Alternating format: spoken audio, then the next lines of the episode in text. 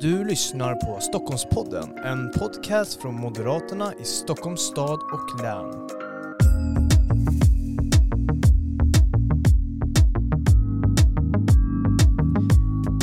Ja, varmt välkomna till Stockholmspodden. Mitt namn är Zacharias och idag ska vi prata en hel del om utrikespolitik, Europapolitik eh, och med oss för att göra det så har vi Europaparlamentariker Arba Kokalari och Europaparlamentariker Thomas Tobé från Stockholmsregionen båda två. Varmt välkomna hit. Hur känns det att vara med i Stockholmspodden?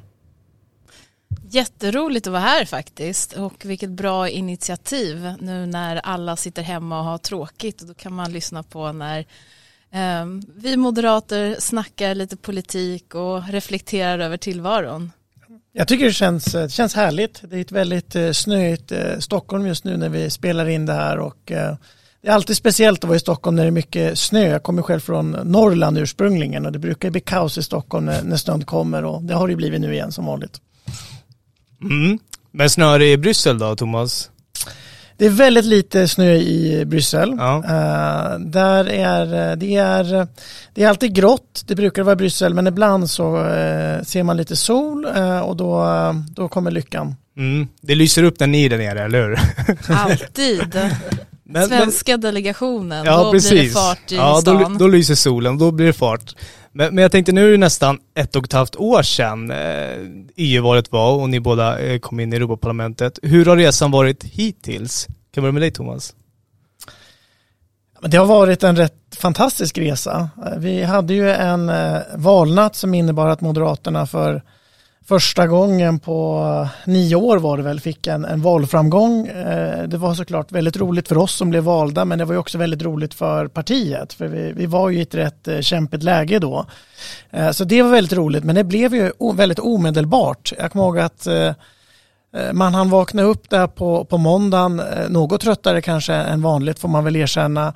Eh, och sen på tisdagen så var man på väg till Bryssel. Eh, och vi började förhandla och eh, fick ju en, en väldigt fin utdelning för eh, alla moderata Europaparlamentariker när det kommer till positioner, vilket ju inte är helt oviktigt i, i politiken om man vill få inflytande för att kunna förverkliga våra idéer. Och, och mycket av det byggde ju på att vi hade fått ett, far, ett väldigt starkt stöd från väljarna.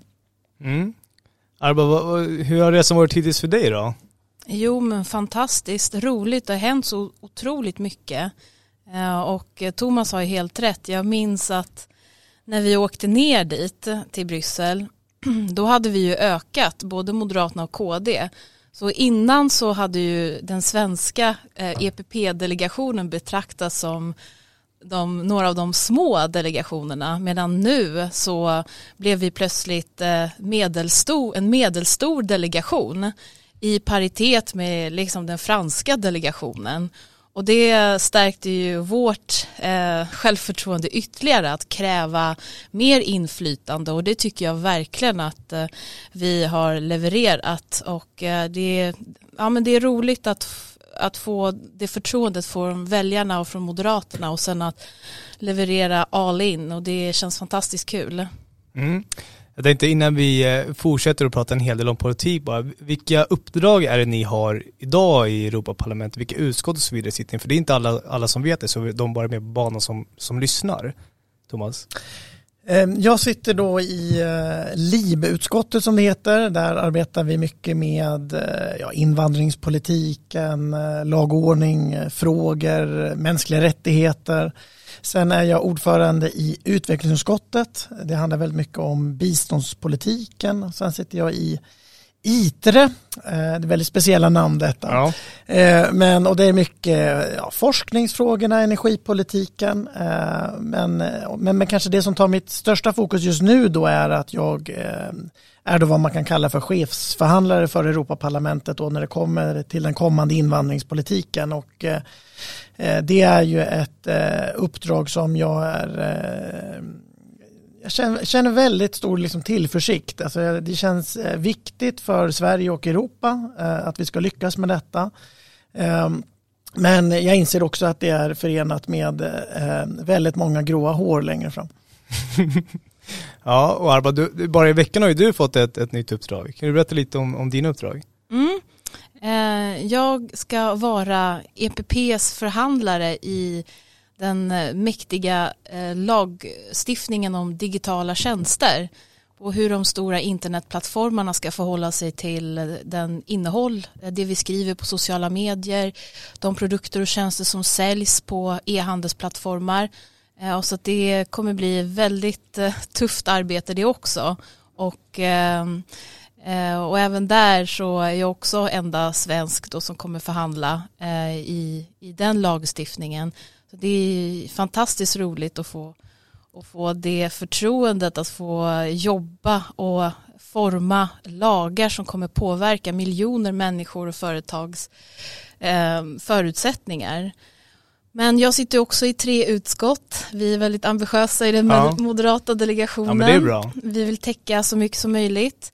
Eh, mitt huvudutskott är eh, inre marknadsutskottet som eh, jobbar med då att ja, få, att få goda förutsättningar för företag att handla fritt inom EU så att vi inte har byråkrati och hinder som, Ehm, ja, som gör det svårt för företag att eh, handla med varor och tjänster. Och ehm, jag har haft mycket fokus där på att få till mer av en hållbar handel, att ta bort handelshinder för gröna produkter, återvinningsbara produkter och nu kommer då jag också jobba med de här digitala frågorna eh, där mitt utskott är då ansvarig för dem. Och sen sitter jag också i jämställdhetsutskottet. Där är vi många svenskar, jag tror vi är fem stycken, medan jag och Moderaterna är de enda som sitter i inre marknadsutskottet. Så man kan verkligen undra över hur andra partier mm. har prioriterat med tanke på att 70 procent av Sveriges export går till EU-länder. Eh, men jag sitter i jämställdhetsutskottet där jag har haft mycket, liksom mest fokus på att bekämpa våld mot kvinnor. Ehm, det är där jag tycker EU kan göra skillnad. Och eh, inte minst sen då sitter jag också i utrikesutskottet där jag har mycket fokus på att bekämpa auktoritära regimer och stå upp för frihet. Vi har haft eh, ja, mycket händelser nu i Ryssland, Belarus. Eh, Arktis kommer bli en, en sån fråga jag kommer fokusera på framöver som blir eh, ett ännu viktigare nu när kineserna eh, Ehm, tycker att Arktis är ett intressant område att eh, sätta klorna i. Mm. Man kan ju säga att ni, ni ligger inte på latsidan så här bara ett och ett halvt år efter EU-valet utan det verkar ju vara full rulle och ni har en hel del uppdrag att, att ta tag i. Men jag tänkte att vi ska komma in på de uppdragen lite senare. Jag tänkte först att vi ska beröra, ja det kanske mest aktuella frågan just nu och det är ju coronapandemin. Eh, ni befinner er på den internationella nivån och verksamma är på den. Vad anser ni om den svenska strategin eh, som har varit väldigt ifrågasatt eh, egentligen från alla möjliga håll, både internationellt och lokalt och nationellt? Jag tycker väl att man ska kalla en spade för en spade. Alltså den svenska coronastrategin är ju tyvärr misslyckad. Vi har alldeles för många människor som har gått bort. Jag, misstror inte att det finns eh, någon myndighet eller något politiskt parti eh, som eh, önskar att man har en strategi som inte är framgångsrik. Men det är ju uppenbart att det har begåtts fel och framförallt kopplat till äldreomsorgen. Jag tycker också att politiskt så har man inte iakttagit en försiktighetsprincip som jag har saknat. Allt har inte varit dåligt i den svenska strategin. Jag, jag tror att när det kommer till skolstängningarna så finns det ganska mycket som talar för att den svenska linjen ändå har varit hållbar. Men just detta med att eh, så länge hålla fast vid att eh, till exempel munskydd i kollektivtrafik, att inte vara snabbare med att stänga den svenska gränsen vid, vid olika tillfällen då det mm. hade varit eh, nödvändigt. Jag, jag är, alltså jag är förvånad över ett, eh, ett land ehm, som bygger så pass mycket ändå på liksom pragmatism och, och lyssna in och samarbeta att vi inte har lyckats bättre. Men ska man dra det här i ett lite större perspektiv så har det ju tyvärr visat sig att Sverige verkar ha svårt vid vissa kriser när det kommer till just ledarskapet. Eh, tsunamin är ett annat exempel. Um, och ibland beskrivs det lite grann som att i andra länder så blir det liksom den politiska ledaren som blir för stark och man kan fatta felaktiga mm. beslut. Men det är någonting som skaver i hur vi i Sverige hanterar kriser. Mm. Vad, vad säger du Arba om den svenska strategin? Ja, absolut. Men det finns en kris som vi har haft mellan tsunamin och den här som hanterades väldigt väl. Mm. Som inte jättemånga kände av jämfört med våra europeiska vänner och det var ju finanskrisen. Mm, 2008 just, ja. Ja, det var just den krisen som leddes av en moderatledd regering. Så jag tror snarare att Socialdemokraterna har lite att göra med eh, deras ledarskap, hur de fostrar politiska ledare att faktiskt eh, eh, ja, ta grepp över situationen och leda landet när det behövs som mest. Jag blev också väldigt förvånad. Jag minns i mars där när vi åkte hem från Bryssel när de skulle stänga ner alltihop. Och så kom man hem och här så skulle 50 000 människor samlas på Melodifestivalen. Mm. Eh, och jag kände att jag var väldigt orolig redan då eh, och att det fanns en sån nonchalans från svenska myndigheter och från regeringen att ja, men vi är bättre än andra länder. När andra länder agerade mm. så stod, stod man här och bara, nej men man tog inte det på allvar. Och det värsta, okej okay, man gör misstag på vägen, men att man inte ens lär sig av de misstagen. Att man fortfarande nu i efterhand försöker ändra på historien, eh, förneka saker. Man är uppenbarligen livrädd nu för, eh, för konsekvenserna och att de kommer behöva ta ansvar för det här som har hänt. Och jag tycker det är jättebra och viktigt att Moderaterna och vi i opposition eh, utkräver ansvar för det som har skett och att Ulf Kristersson har varit väldigt mm. bra de senaste månaderna med att presentera alternativ, så här borde vi göra istället och äh, det är synd att vi har den här regeringen som vi har. Um, och, um, och att vi har vissa partier i Sveriges riksdag som typ Centerpartiet som ja. låter Stefan Löfven regera vidare. Mm, man har ju verkligen sett den här nonchalansen också här i jul bara, när man går ut och handlar i till exempel Gallerian, eh, Ehm, centralt i Stockholm eller reser till eh, fjärden istället för att ta tag i företagen som nu går omkull och så vidare. Tänk på finansministern. Men men, men vi skulle lämna det. Men vad, vad säger, eh, för ni är ju på den internationella nivån, ni träffar ju många olika parlamentariker från olika länder, alla har ju olika kulturer och alla har ju eh, vet du, olika förutsättningar. Vad, vad, säger de om den svenska strategin? Är det så att de är, är, förvå alltså, är förvånade över att vi gör på det här sättet eller vad, vad säger de Thomas? Man ska vara ärlig med att säga att det har gått i lite olika faser. Eh, den första fasen så var det rätt många som liksom var förvånade över att det inte fattades några beslut.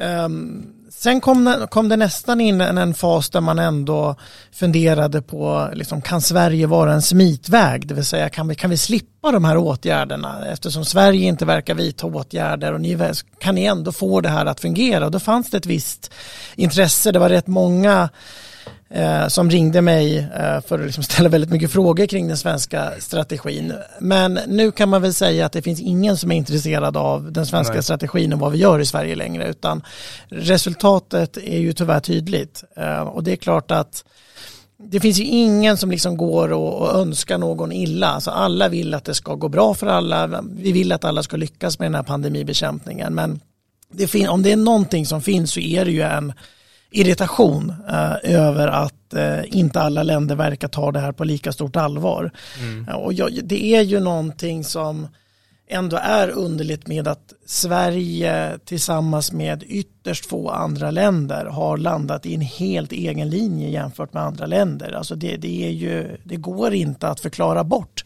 Det hade ju gått att förklara bort om det vore som så att Sverige kunde visa upp helt andra resultat.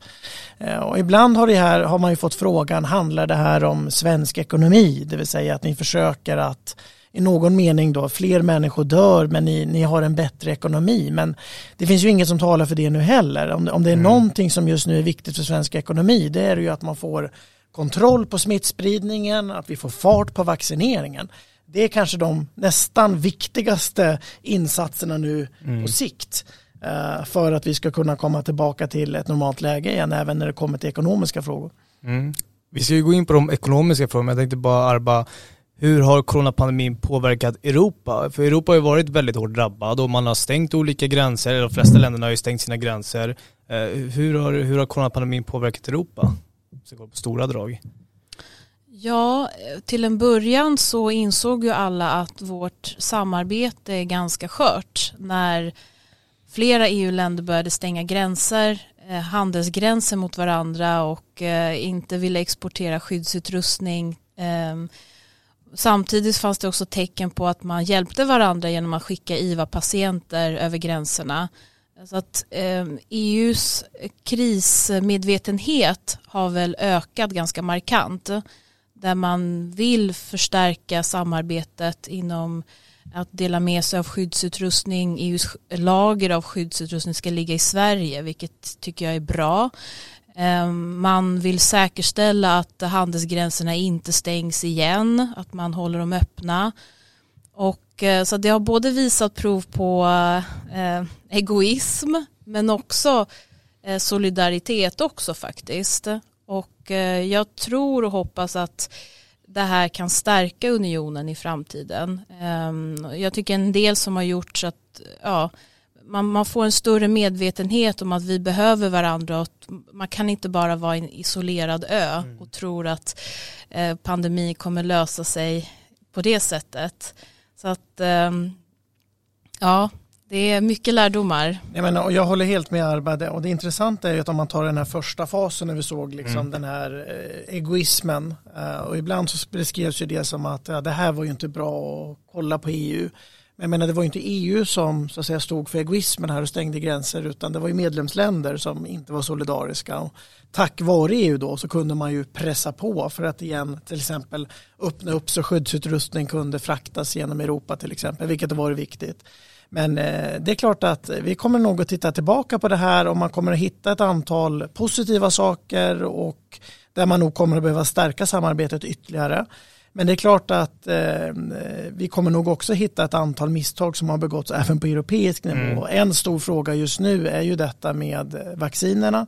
Jag tror vi alla är glada över att vi har gjort en gemensam eh, upphandling men det är klart att vi vill se en snabb takt nu eh, när det kommer till vaccineringen och där är vi just nu rätt bekymrade från Moderaterna för vi, vi ser nu att det är en snabbare eh, tillgång till vaccin eh, hos ett antal jämförbara länder och regioner eh, och en helt annan kapacitet. Och det är klart att en del av det ansvaret kan vi nog lägga på en del av de här bolagen som inte levererar det de har lovat. Men vi behöver också eh, titta på hur upphandlingen har gjorts eh, på EU-nivå för att det här är ju just nu den stora centrala frågan. Ja, vi ska jobba med att minska smittspårningen men mm. nu är det ju ut med vaccin. Mm.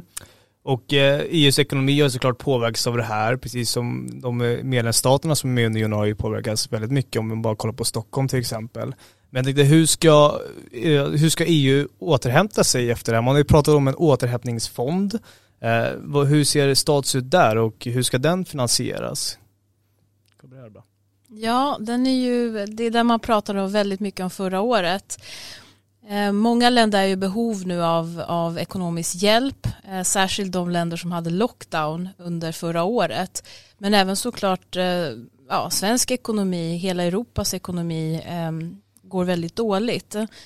Och eh, man ska finansiera det här genom att eh, ja, upphandla lån eh, på den internationella marknaden och eh, det kommer fördelas i form av både lån och bidrag där vi moderater var väldigt skeptiska till att mycket av återhämtningsfondens pengar var bidrag till länderna. Vi ville egentligen bara se lån men nu blev det inte så. Um, och Sverige kommer börja ansöka om hur vi vill använda de här åter, äh, återhämtningspengarna och de är ju öronmärkta tror jag. En del av pengarna är, är öronmärkta för klimatåtgärder och för digitalisering.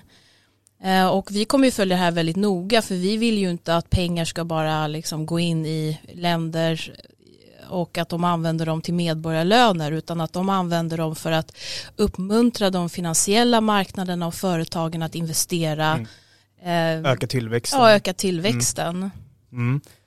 Men, men, hur kan EU hjälpa, eller kan EU hjälpa på något sätt Sverige och kanske Stockholmsregionen att återhämta sig? För vi kommer ju komma in i en fas här så småningom när alla har vaccinerat att vi ska öka tillväxten igen. Vi i Stockholmsområdet har ju det här löftet om att vi ska bli Europas främsta tillväxtregion i och med kampanjen Omstart Stockholm. Hur kan EU bidra där, Thomas?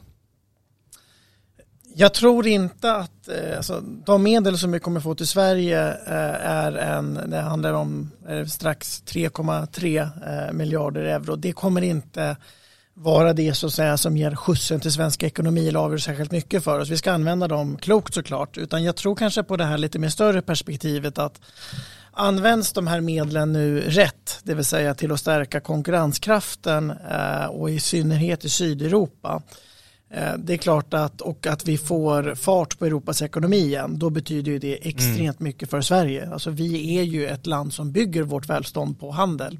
Så att det ligger ju i vårt intresse eh, att ett antal länder inte kollapsar. Mm. Sen är det ju precis som Arva var inne på, vi, vi är väldigt skeptiska till den modell som man nu har valt där det absolut finns lån men det är också rena bidrag.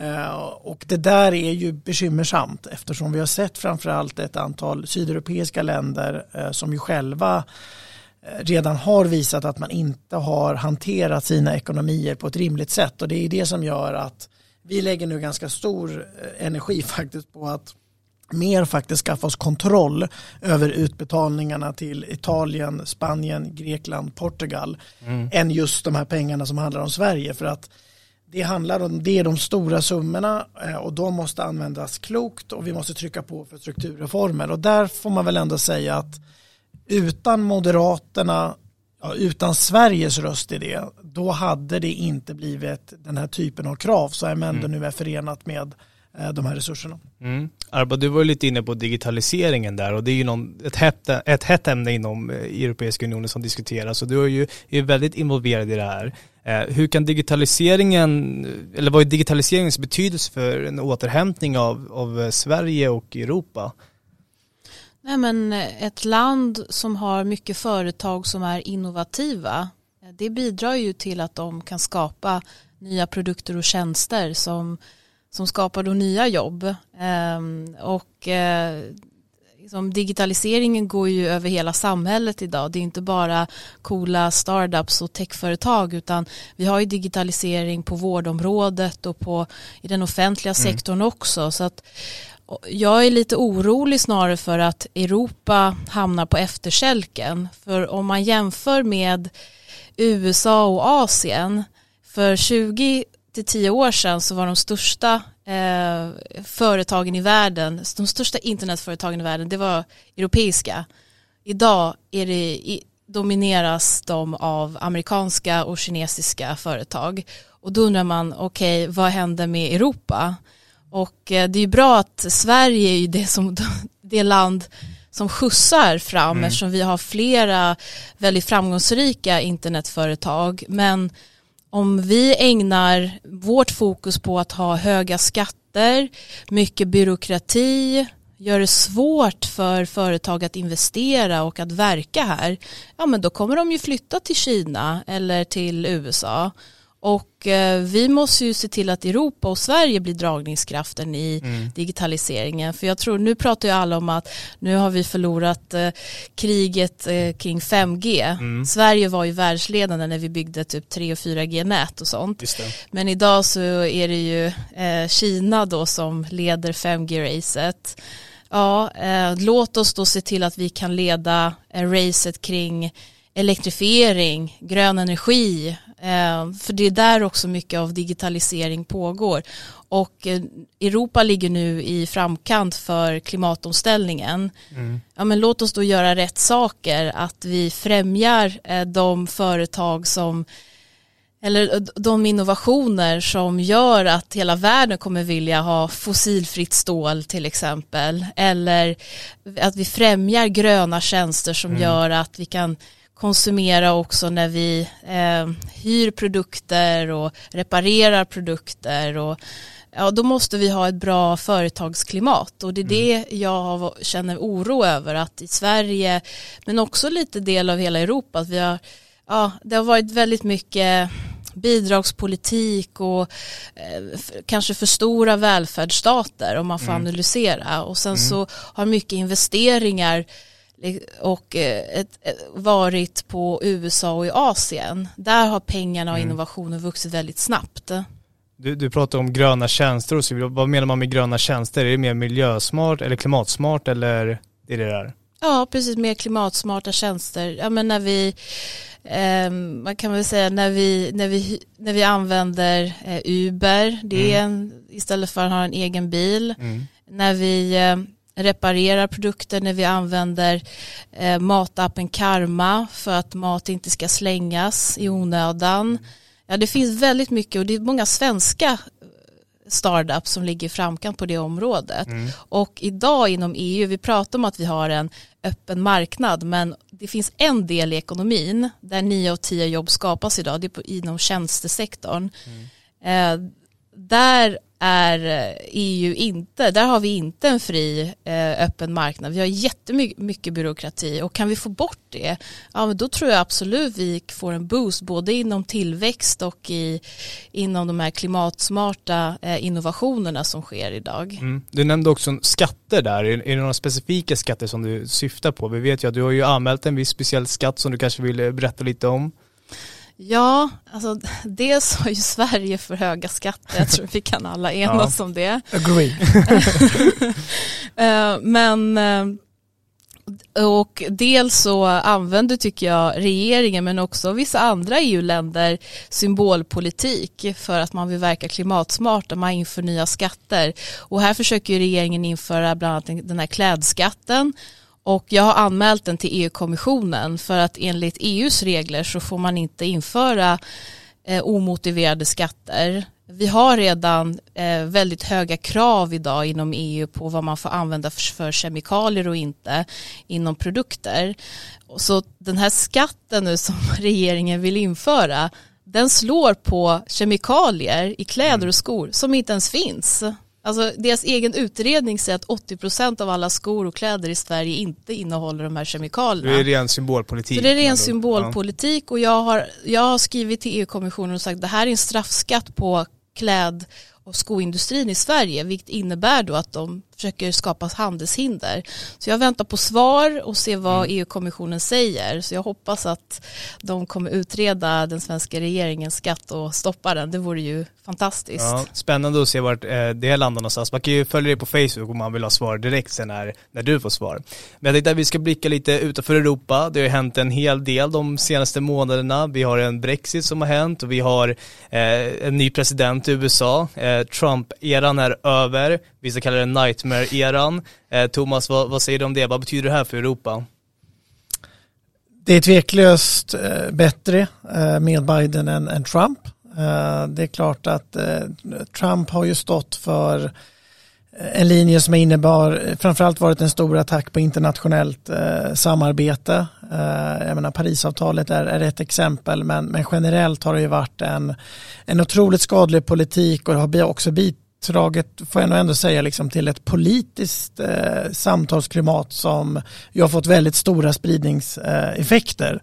Eh, och jag, jag måste ju säga att eh, det är klart att han har också, han har ju alltså också begått Eh, rena handlingar som är fullkomligt oacceptabla. Och det är klart att eh, den senaste stormningen av Kapitolium som nu ska eh, utredas i den riksrätt som pågår är ju, jag menar, man, man måste ju liksom, man tror ju, ja det är faktiskt som en mardröm när man tänker efter, alltså vad, vad är det vi har upplevt under de här åren?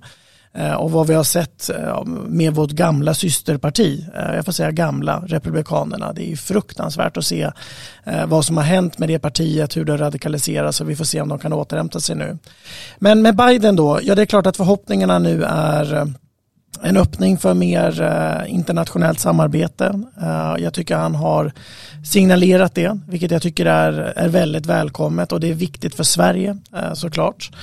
Eh, jag hoppas också att det innebär ett större eh, engagemang. Jag ser gärna en återgång eh, av USA som den här världspolisen mm. som Trump har tagit bort. Jag kommer ihåg vänstern har ju alltid klagat på det där att USA är världspolisen.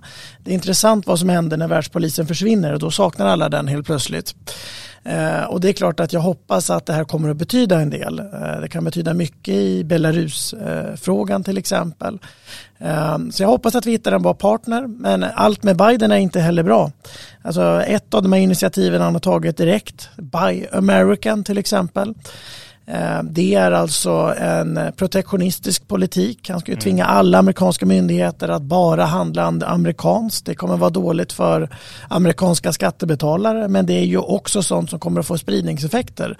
Vi kommer snart att se i Europa också att det kommer att komma den typen av krav. Vi ska bara köpa europeiskt. Mm. Och det där är ju en protektionistisk och dålig politik som eh, Moderaterna och, och Sverige måste bekämpa. Mm. Protektionisten, eller protektionismen växer kan man ju säga i och med Brexit också som har hänt här Arba. Vad, vad betyder det för EU då? Kan man, kan man se att EU blir en försvagad eh, samarbetesunion? Eh, kan det inspirera andra länder att begå en exit? Vad, vad, vad tror du? Vad betyder det för EU? Först och främst ekonomiskt innebär det ju att vi blir en mindre ekonomi eftersom Storbritannien var en av de största ekonomierna.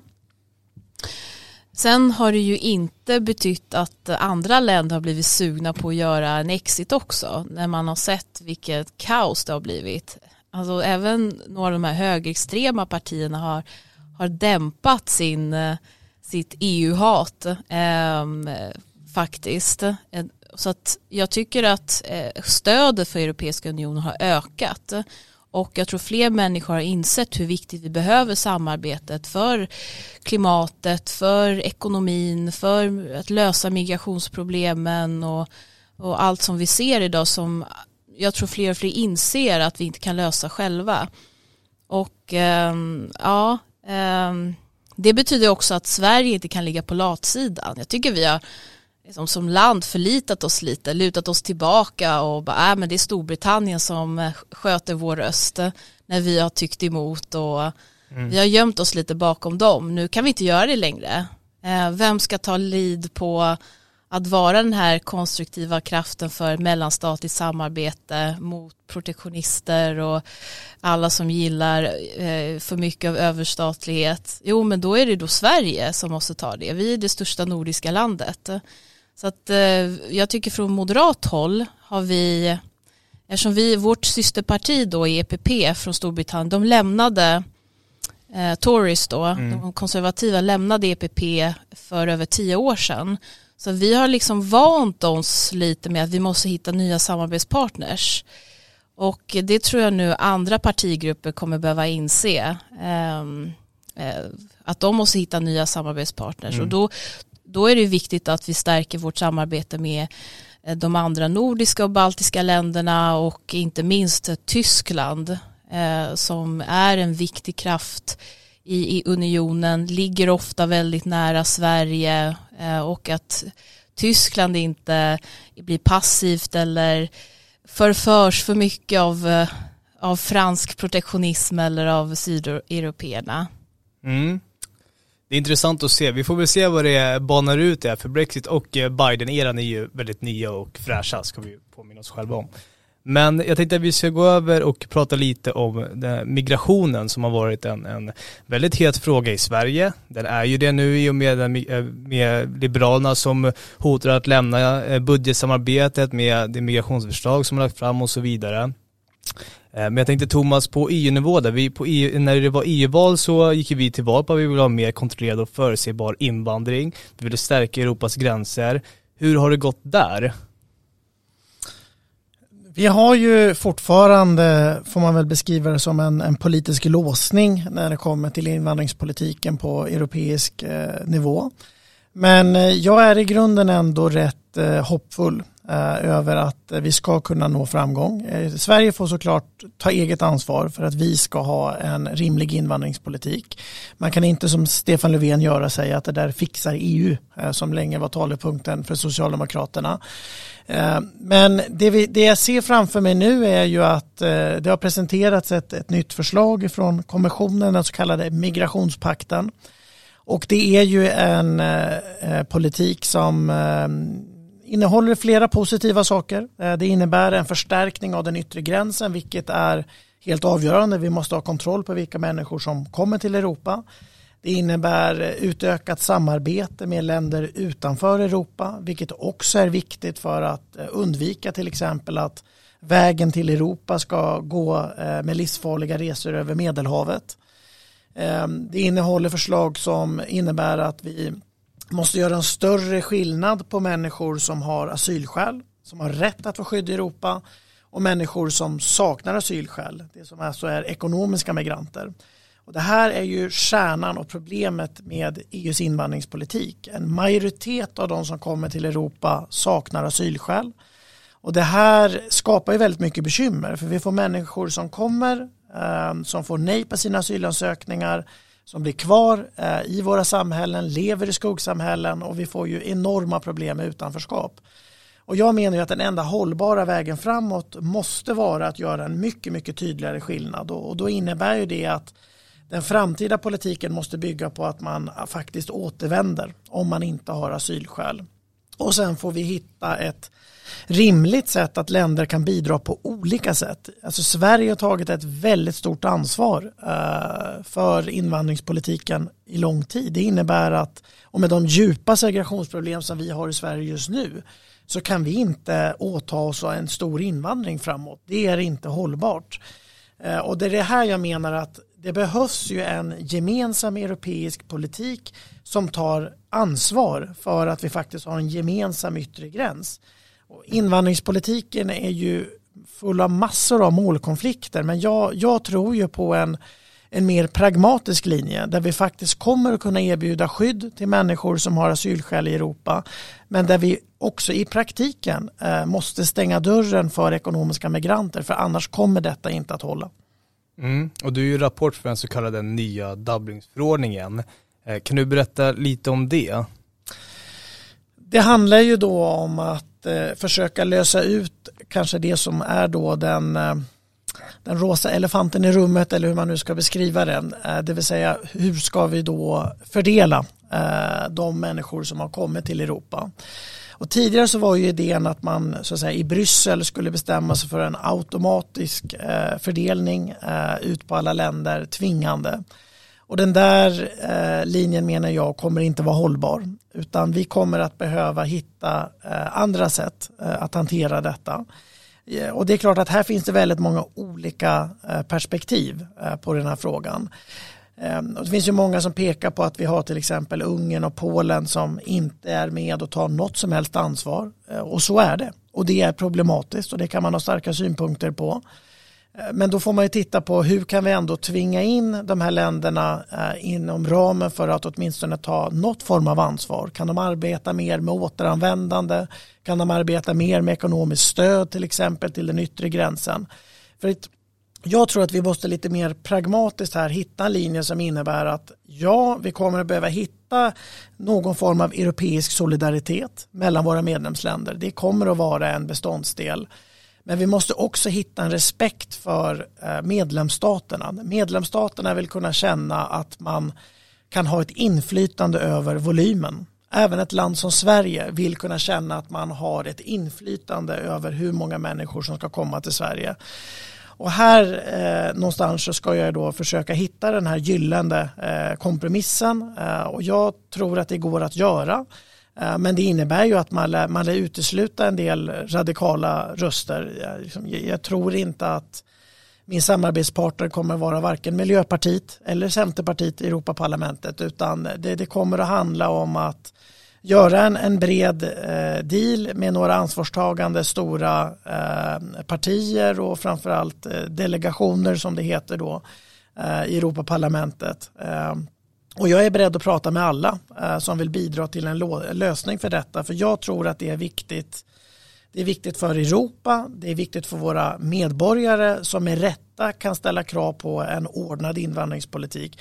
Men det är också viktigt för migranterna. Mm. För att det är helt orimligt att vi har ett system som innebär att vi bara fokuserar på de som tar sig till Europa med hjälp av människosmugglare Eh, över Medelhavet. Alltså det är inte en, en hållbar politik. Mm. Och en fråga som diskuteras ju, eller analyseras rätt mycket när det just kommer till migration, det är ju den fria rörligheten inom Europa. Ehm, vissa hävdar ju att den fria rörligheten ska stå över gränskontroller eller att man kontrollerar vid gränserna och så vidare. Ehm, vissa hävdar att eh, den fria rörligheten måste fortsätta vara stark och, det är den vägen att gå. vad tror du Arbo, om vi bara ska spåna lite i det? Ja men alltså fri rörlighet innebär inte fri rörlighet i hela världen. Det är en utopisk eh, i den bästa av världar eh, om man är liksom liberal. Men jag tror många, eh, många har missförstått det här att om vi ska kunna upprätthålla fri rörlighet inom EU ehm, det är det som är den stora fördelen med att vara ett EU-medlemsland som många länder kämpat för att gå med i. Ja, då måste det finnas eh, Eh, gränser och kontroll runt eh, EU faktiskt. Annars går det inte att upprätthålla fri rörlighet inom EU. Så att både för principen att värna om EU-samarbetets trovärdighet och, ehm, och USP kan man väl säga varför man är med. Eh, men också att ge trygghet och förutsägbarhet för också alla utanför. Många länder i världen ser ju upp till EU för att vi har den typen av samarbete med fri rörlighet för våra medborgare, att kunna studera fritt inom hela unionen, att kunna resa, kunna arbeta. Eh, men det innebär ju inte att man, eh, ja, att man kan ha helt öppna gränser utanför EU. Då har ju samarbetet kanske förlorat den glansen. Och eh, jag tycker det är väldigt bra och viktigt det som Thomas säger, hur viktigt också, för jag vet att många av våra kollegor från till exempel Italien, Spanien och Grekland som känner att de har behövt ta allt ansvar för att säkra EUs yttre gräns. Och eh, det, vi kan inte ha det på det sättet, det behövs, eh, alla måste bidra för det. Mm. Jag, jag, kommer ihåg i, i början av, av, valrörelsen så tror jag en av de första sakerna jag sa som, eh, som kandidat var att jag vill liksom stoppa den fria rörligheten för kriminella. Och jag valde ju den lite medvetet också liksom för att liksom spetsa till det och skapa liksom ett, ett intresse om man ska vara ärlig. Eh, eftersom jag vet ju att jag menar, den fria rörligheten är ju, eh, det är ju ska man uttrycka det? Uh, ja, men det har ju varit någonting som, jag menar det är kärnan i det europeiska samarbetet, mm. också någonting som vi moderater värnar väldigt mycket om och det gör vi. Men jag, jag vill ju ställa det här lite grann på sin spets, det vill säga om vi har liksom en situation där dels vi inte har kontroll på den yttre gränsen men där vi också har stora problem med kriminalitet som rör sig över gränserna och utan konsekvenser så behövs det förändring och, och jag vet att det, det var ju det var ju några som hörde av sig den där dagen och inte var helt glada och sa att Nej, men nu sa du någonting som man bara inte får säga som moderat. Eh, men, men med tiden så tycker jag väl att eh, det där visar sig fungera. Jag tror de allra flesta förstår att det är viktigt att värna den fria rörligheten eh, för människor och för varor och tjänster och kapital. Men att men att det får konsekvenser om en människa begår ett brott i Sverige, inte är svensk medborgare, döms till utvisning, att den personen igen inte ska vara välkommen omedelbart till Sverige. Det tycker de allra flesta är ganska rimligt. Jag skulle själv tycka det var, var rimligt, i alla fall jag själv skulle vara, ha begått en kriminell handling. Det, jag ska försöka att inte göra det. Men om jag nu skulle göra det, att det skulle få konsekvenser att jag inte kan resa tillbaka till det, land, till det landet, det är så att säga, man har en frihet men den är också under ansvar och det, det är också en moderat paradgrund. Frihet och ansvar ja. Det är högt aktuellt i det här partiet i och med det nya idéprogrammet. Precis. Jag tänkte att vi skulle gå vidare de sista fem minuterna här också och beröra lite mänskliga rättigheter. Vi har ju en orolig omvärld med det som händer i Belarus och även det aktuella nu som bara för några veckor sedan händer i Ryssland. Arba, jag tänkte du kan, kan ju berätta lite där. Eh, vad händer nu här i Ryssland till exempel? Det mest aktuella. Ja, det vi har ju sett är att eh, oppositionsledaren och regimkritiken eh, Navalny då har blivit gripen efter att han åkte hem eh, efter att ha varit i Tyskland och vårdats för de skador då han hade blivit eh, förgiftad av vad man tror är en sovjetiskt gift och att det är Ryssland som då ligger bakom eller den ryska regimen. Ehm, det som har hänt är att det har blivit eh, stora demonstrationer i Ryssland så som vi också sett i Belarus under ett halvårs tid. Ehm, Navalny släppte en eh, omtalad film på YouTube där han exponerade all korruption som Putin och eh, hans vänner gör i, i Ryssland. Och, ehm, och då kan man fråga vad kan man från EUs sida göra åt det här för att hjälpa då demokratirörelsen Eh, ja, både i Ryssland och i Belarus. Och det som ändå har hänt här som jag är väldigt, faktiskt hoppfull över är att nu har EU fått lite muskler bakom orden. Man har fått en ny sanktionslag som gör att eh, man kan sanktionera personer som eh, begår ja, grova brott mot mänskliga rättigheter, till exempel Putins vänner eller Lukasjenkos närmaste. Eh, man har också eh, nyligen infört eh, majoritetsbeslut i utrikesministerrådet inom EU som gör att inget land kan, kan lägga veto om EU vill agera till exempel mot en diktator i ett annat land. Det här kommer göra EU mer effektivt hoppas jag. Och det här blir nog prövningen, det här med Navalny. För att EU kan agera på flera sätt. Dels att stoppa eh, den penningtvätt som pågår. Eh, många ryska oligarker har ekonomiska intressen i europeiska banker.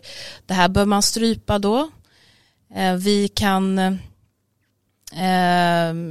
jag, jag, tror att liksom, en, jo, en till sak vi kan göra det är att se till att den här gasledningen Nord Stream stoppas. Den kommer gå från Ryssland till Tyskland. Så att kan vi agera på det sättet då hoppas jag, om man är optimistisk, att, att det kan leda till att regimen i Ryssland inte vågar hålla Navalny kvar i fängelset eller utöva den typen av repression. För att, eh, ja, eh, för att ge också demokratikrafterna i Ryssland en chans att nå ut till folket. Men eh, ja, det är mycket som händer i vårt närområde och eh, jag tycker det är dags faktiskt att EU använder liksom, de, de musklerna som vi har och uh, att kämpa för grundläggande frihet i vårt mm. närområde. För att det vi ser också det ryssarna gör är att de har mycket desinformationskampanjer och finansierar extrema krafter inom Europa och de krafterna hotar också vår frihet. Mm. Ja, och jag, jag skulle säga eh, om man går från, från Ryssland över till Belarus, alltså det, det vi ändå ser början på nu, det är ju eh, slutet för eh, ja, Europas sista diktator egentligen. Det, det, är så man får se på Lukasjenko. Eh, och det är väldigt gripande ska jag säga. Vi hade ju oppositionen, eh, oppositionspolitiker från Belarus som också var i Europaparlamentet och ehm, vi gav dem så att säga politisk, eh, politiskt stöd och ett formellt ett, ett pris också som heter Sakharov. Men det som är det gripande var ju att, eh, att sitta ner och tala med dem och höra deras berättelser. Det är ju en enorm eh, frihetslängtan som nu inte går att stoppa. Eh, som, det går inte att stoppa den här gången. Det är så starkt. Och det här är ju personer som sitter i det rummet med sina män och sina fruar fängslade. Eh, och som inte så att säga viker en, en millimeter och det, det är otroligt gripande att se. Och jag tycker ju att det förpliktigar. Eh, det förpliktigar såklart Sverige som har ett, ett särskilt ansvar eh, utifrån vårt närområde och, och vår relation till Baltikum. Men för EU så är det ju på det sättet att vi måste vara beredda att använda vårt kapital, eh, hela vårt fulla register också med sanktioner och annat. Eh, sen saknas det ju en, en viss eh, kahon eller vad jag nu ska kalla det på EU-sidan. Och det är ju att säga, EU är ingen militärmakt och det, är som, så säga, det ligger inte i korten. Men det är ju där, där USA blir väldigt viktigt.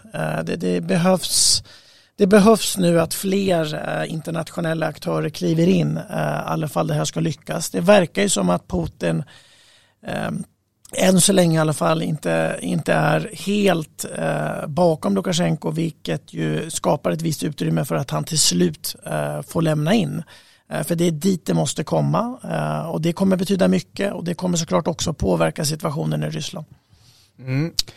Vi eh, börjar få slut på tiden för att vi inte ska hålla på allt för länge. Vi har nu pratat i 49 minuter. Men jag får tacka dig Thomas Tobé och Arba Chokalari för att ni valde att vara med här i Stockholmspodden och så får jag önska er lycka till eh, i ert uppdrag eller era mångfaldiga uppdrag. Ni har ju en hel del som ni har berättat om här. Men med det sagt så tackar jag dig som också har lyssnat på det här avsnittet och eh, jag hoppas att du tyckte om det. Det kommer komma en rad, massa fler avsnitt så det är bara att hålla utkik här. Eh, man kan gilla, man kan kommentera också. Det är alltid kul att se om eh, en glad kommentar eller liknande, ett litet hejrop. Eh, men med det sagt, stort tack för att du valde att lyssna på denna podd.